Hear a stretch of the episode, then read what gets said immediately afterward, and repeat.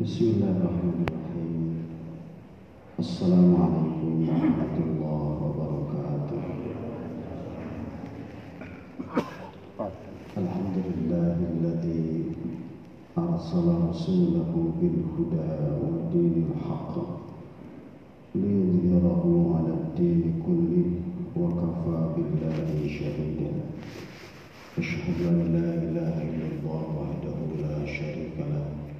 وأشهد أن محمدا عبده ورسوله وبعد Bapak Ibu jamaah subuh bil khusus jamaah subuh hari Jumat yang semoga dirahmati Allah Subhanahu wa taala. Kembali kita bersyukur dan memanjatkan segala kebaikan, kesempurnaan, keberkahan semata-mata hanya milik Allah Azza wa Seraya senantiasa kita bermohon agar Allah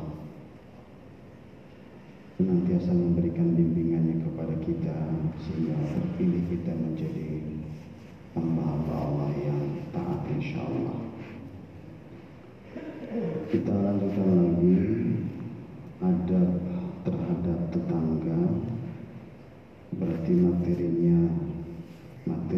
sangat up to date yang kita perlukan karena kita bukan hidup di hutan kita bukan hidup di padang pasir nggak punya tetangga tapi kita hidup sosial berjamaah dengan tetangga. 24 jam kita bertetangga.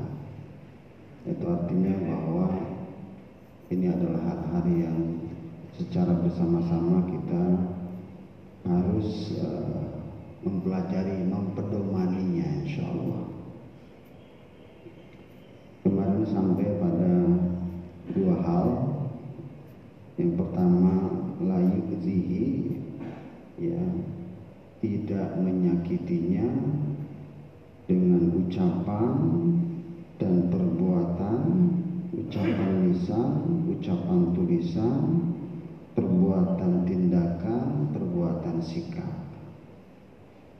Yang pertama, yang kedua, berbuat baik dalam pengertian yang luas kemarin sudah dibahas. Kutipan terakhirnya adalah An-Nisa 36 dan hadis riwayat Imam Bukhari Man kana yu'minu billahi wal yawmil akhir fal yuhsin ila jarahu Barang siapa yang beriman kepada Allah dan hari akhir ini perintahnya fil amar malah kalau di sini fal yuhsin ila jarahu hendaklah ia berbuat baik ilajahu kepada tetangganya. Kita masuk kepada poin yang ketiga dibedakan oleh penyusun kitab ini. Yang ketiga adalah bersikap dermawan. Ya, senang memberikan kebaikan dan hadiah kepada tetangga. Berdasarkan beberapa sabda Nabi Shallallahu Alaihi Wasallam. Ini hadisnya terkenal, terutama di kalangan ibu-ibu. Ya nisa al muslimat, wahai wanita-wanita yang beriman, La tahkiranna jaratun li jaratiha. Jangan kalian sekali-kali menganggap remeh, menganggap hal yang apa remeh itu, hal yang yang sia-sia yang yang dianggap sesuatu nggak bernilai.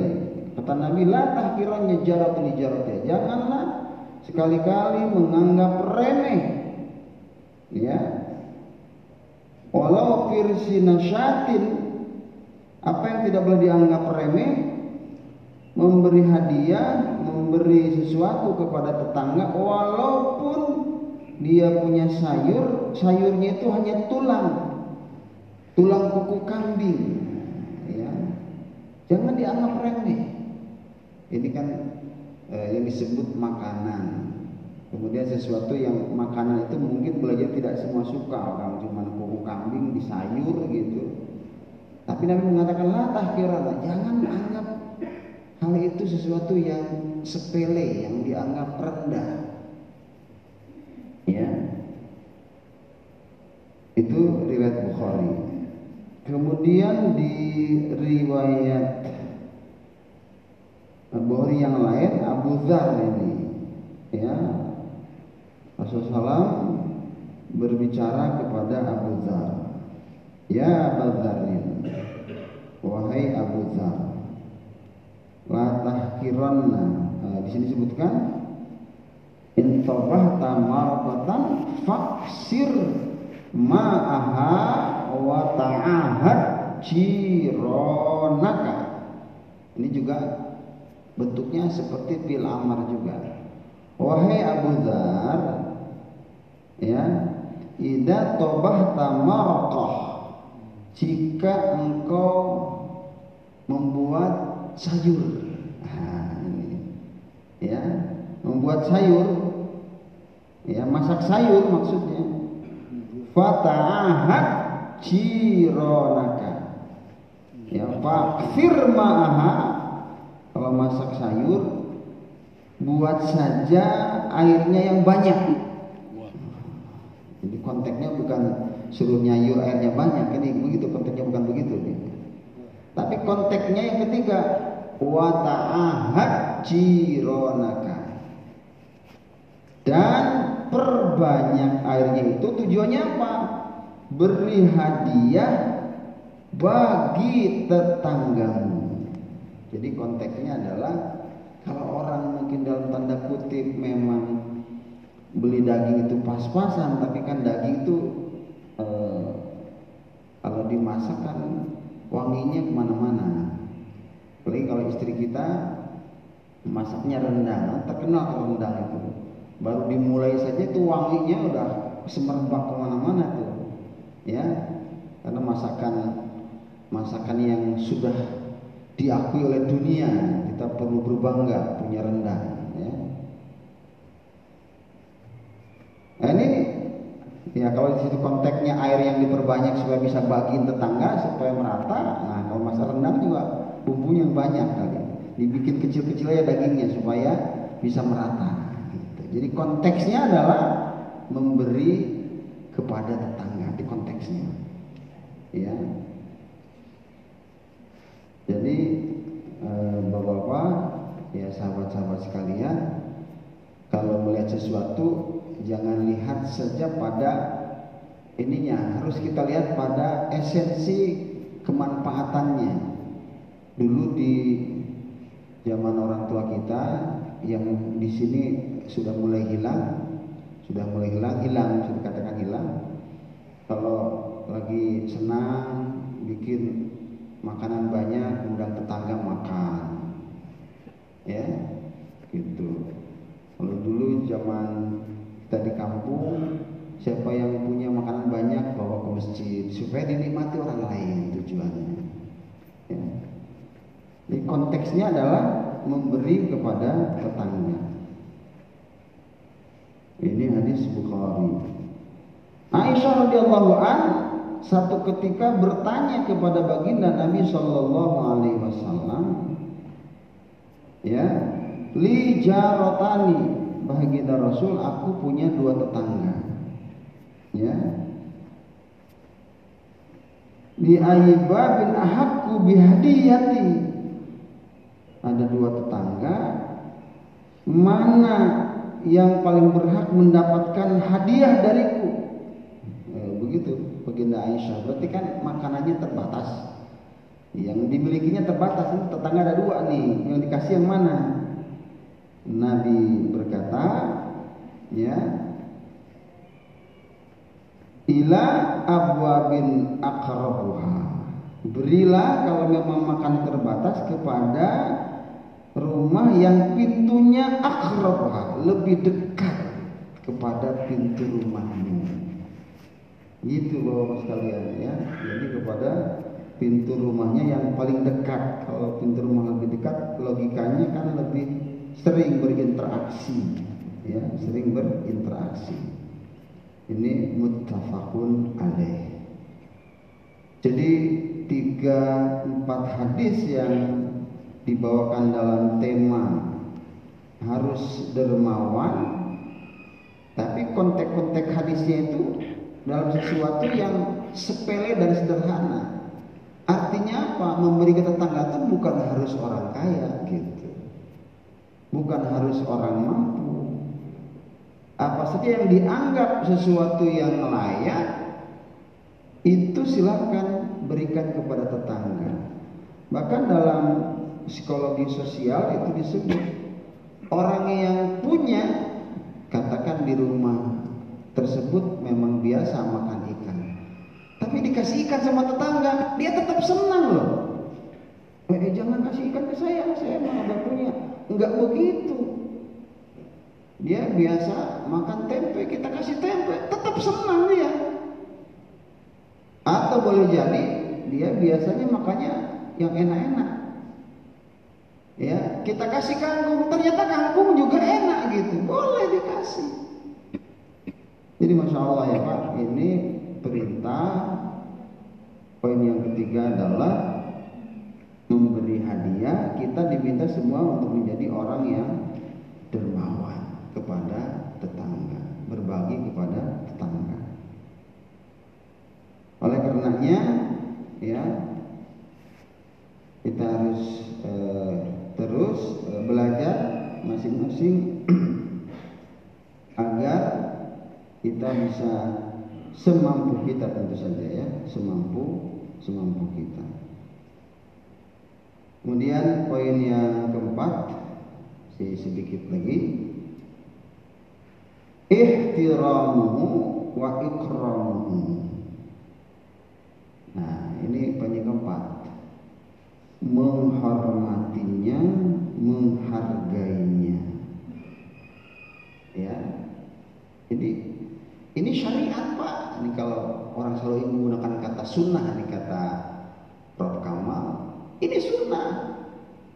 Menghargai tetangga, memuliakan tetangga. Ya. Wa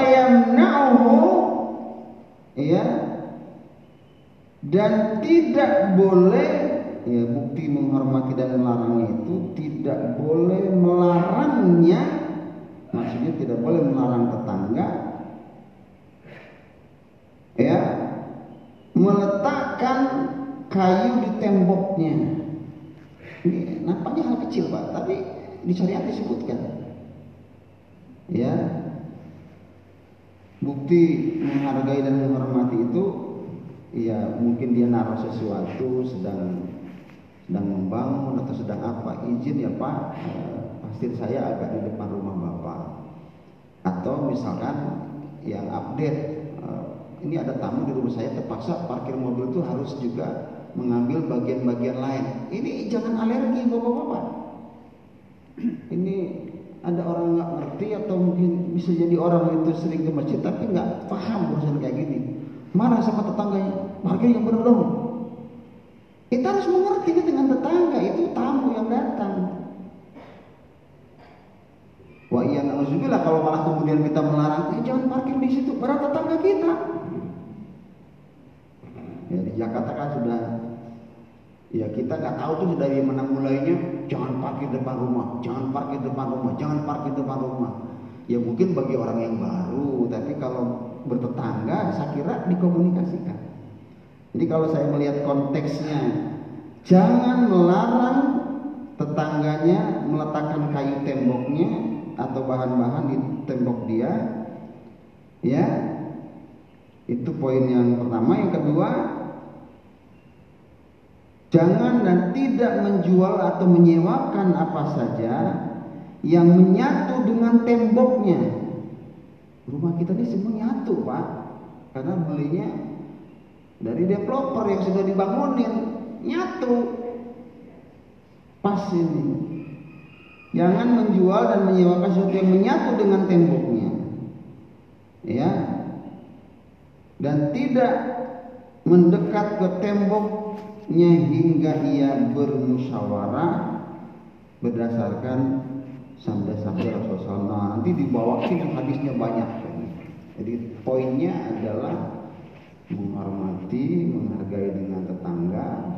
Ya, maka di Jumat yang lalu saya sempat uh, menyampaikan ke bapak sekalian, uh, ke teman-teman nggak bisa taklim di hari Jumat Sabtu, ya boleh saja mungkin ada keperluan begitu. Kebetulan para asatidnya jauh begitu. Tapi kalau taklim atau menyimak kultum di Senin sampai Jumat mah ada tetangga kita semua dengerin aja, menghormatinya, menghargainya. Dalam rangka menghormatinya dan menghargainya. Kalau bapak membaca kitab hadis arba'in, ada yang disarah oleh selalu dijadikan rujukan oleh teman-teman kita. Kata Syekh Usaimin, kata Syekh ini terus. Coba kita baca bab tentang malu. Syekh Utsaimin dalam sarahnya itu menyebutkan bicara malu sedang orang duduk dalam majlis atau di dalam masjid. Dia mengatakan orang yang melonjorkan kaki ini pendapat ya Pak ya, bukan. Ketika dia menguraikan itu, karena orang ada mengatakan pendapat dianggap hadis salah. Ini ini pendapat. Itu dianggap tidak beradab, tidak punya rasa malu kalau dia yang lain dilipat kakinya dia dilonjorin itu. Nah kita sekarang menyaksikan orang lain bicara dia keluar. Ini kan lebih parah lagi nggak ada rasa malu gitu. Nah jadi silahkan dibaca itu. Kenapa? Karena al haya'u la ya'ti illa bi khairin. Kata Syekh Utsaimin, rasa malu yang berangkat dari iman itu tidak akan pernah mendatangkan kecuali sebuah kebaikan. Ya. Jadi dalam hal ini marilah bapak sekalian yang bisa berkomunikasi dan interaksi dengan teman-teman yang selalu meninggalkan majlis ya mungkin dengan bahasa masing-masing ya yang mungkin lebih akrab tunggu dulu atuh ada yang mau kultum ah mungkin terserah bahasanya ya sehingga pelan-pelan dia menjadi biasa gitu Nah, yang masalah adalah karena sudah terbiasa seperti itu, rasa malunya udah hilang lagi. Udah biasa aja gitu. Nah, ini repot kan? Seperti itu. Uh, jadi kembali lagi ke yang tadi, jadi masya Allah dikritik betul tuh, ya. Saya sempat dengar waktu ada percakapan jamaah yang menegur temennya Rupanya dikutip bukan hadis, pendapat Usain boleh saja pendapat. Apalagi kalau orang itu selalu merujuk kepada beliau sah-sah saja. Tapi dalam penerapannya harus juga eh, adil di dalam eh, berbagai hal. Jadi kembali ke poin 4, mari sama-sama kita belajar. Ya, dalam hal ini termasuk saya ini karena saya juga bertetangga dengan Bapak dan Ibu semuanya. Ya, menghormatinya, menghargainya, Nah ini ada bahasa tidak melarang meletakkan kayu. Konteksnya ketika kita sedang bangun Pak itu pas banget itu. Kita mau naruh barang di mana ya? Sebelah tetangga, sebelah tetangga. Bahan bangunan banyak. Nah ini penting untuk dikomunikasikan dengan tetangga. Satu hadis saya kutip sebelum yang lainnya masih ada. La yang na'anna ahadukum itu fa'ilnya ahadun. Janganlah salah seorang di antara kamu melarang ya. Melarang apa? Jarahu kepada tetangganya doa khasyata fi jidarihi. Ya. Janganlah salah seorang di antara kalian melarang tetangganya meletakkan kayu di dinding rumahnya kan sederhana Pak. Ya, namun kalau kita paham dalil, paham sunnah, insya Allah kita akan bijaksana. Ya, kalau ada tetangga yang bangun dulu dan kita belum komunikasi, oh Pak mau bangun, oh iya, ya silakan aja nggak apa-apa. Ya, kita berikan keluasan. Jadi saya guys tadi hati-hati konsep ketika misalnya tetangga kita ada tamu, terus kita lagi kosong, jangan sampai dilarang tamu-tamunya itu apa namanya parkir di depan halaman kita. Bahkan kalau bagus kita keluar, dirapikan. Oh di, sebelah sini pak, yang yang biar enak nih. Nah itu dibantu. Ini konteksnya seperti ini karena kita bertangga. Selama ini yang disiap di masjid adalah keterangan yang memaki seseorang jangan beli mobil dong kalau nggak punya parkir. Itu saja yang diangkat. Tidak pernah dibicarakan hak bertetangganya. Padahal ada hak bertetangganya. Ya memang rezekinya dia baru dapat mobil terus mungkin di rumahnya belum diperbaiki, kita memaklumi artinya tetangganya punya kesempatan untuk untuk apa? berbuat baik sama dia. Ya. Apalagi misalnya rumah yang sebelah kosong. Pak, parkir aja di rumah saya. Wah, itu mantap lagi itu. Ya kan? Gitu. Memang di Jakarta nggak ada yang gratis, ada. Ini nggak gratis ketika dia mengatakan, udah parkir aja di tempat saya, saya muat dua mobil kok. Ada. Dia akan mendapatkan pahala dari Allah Subhanahu Wa Taala, nggak gratis insya Allah. Nah, saya kira ini ya masih ada satu uraian lagi pelan-pelan ya.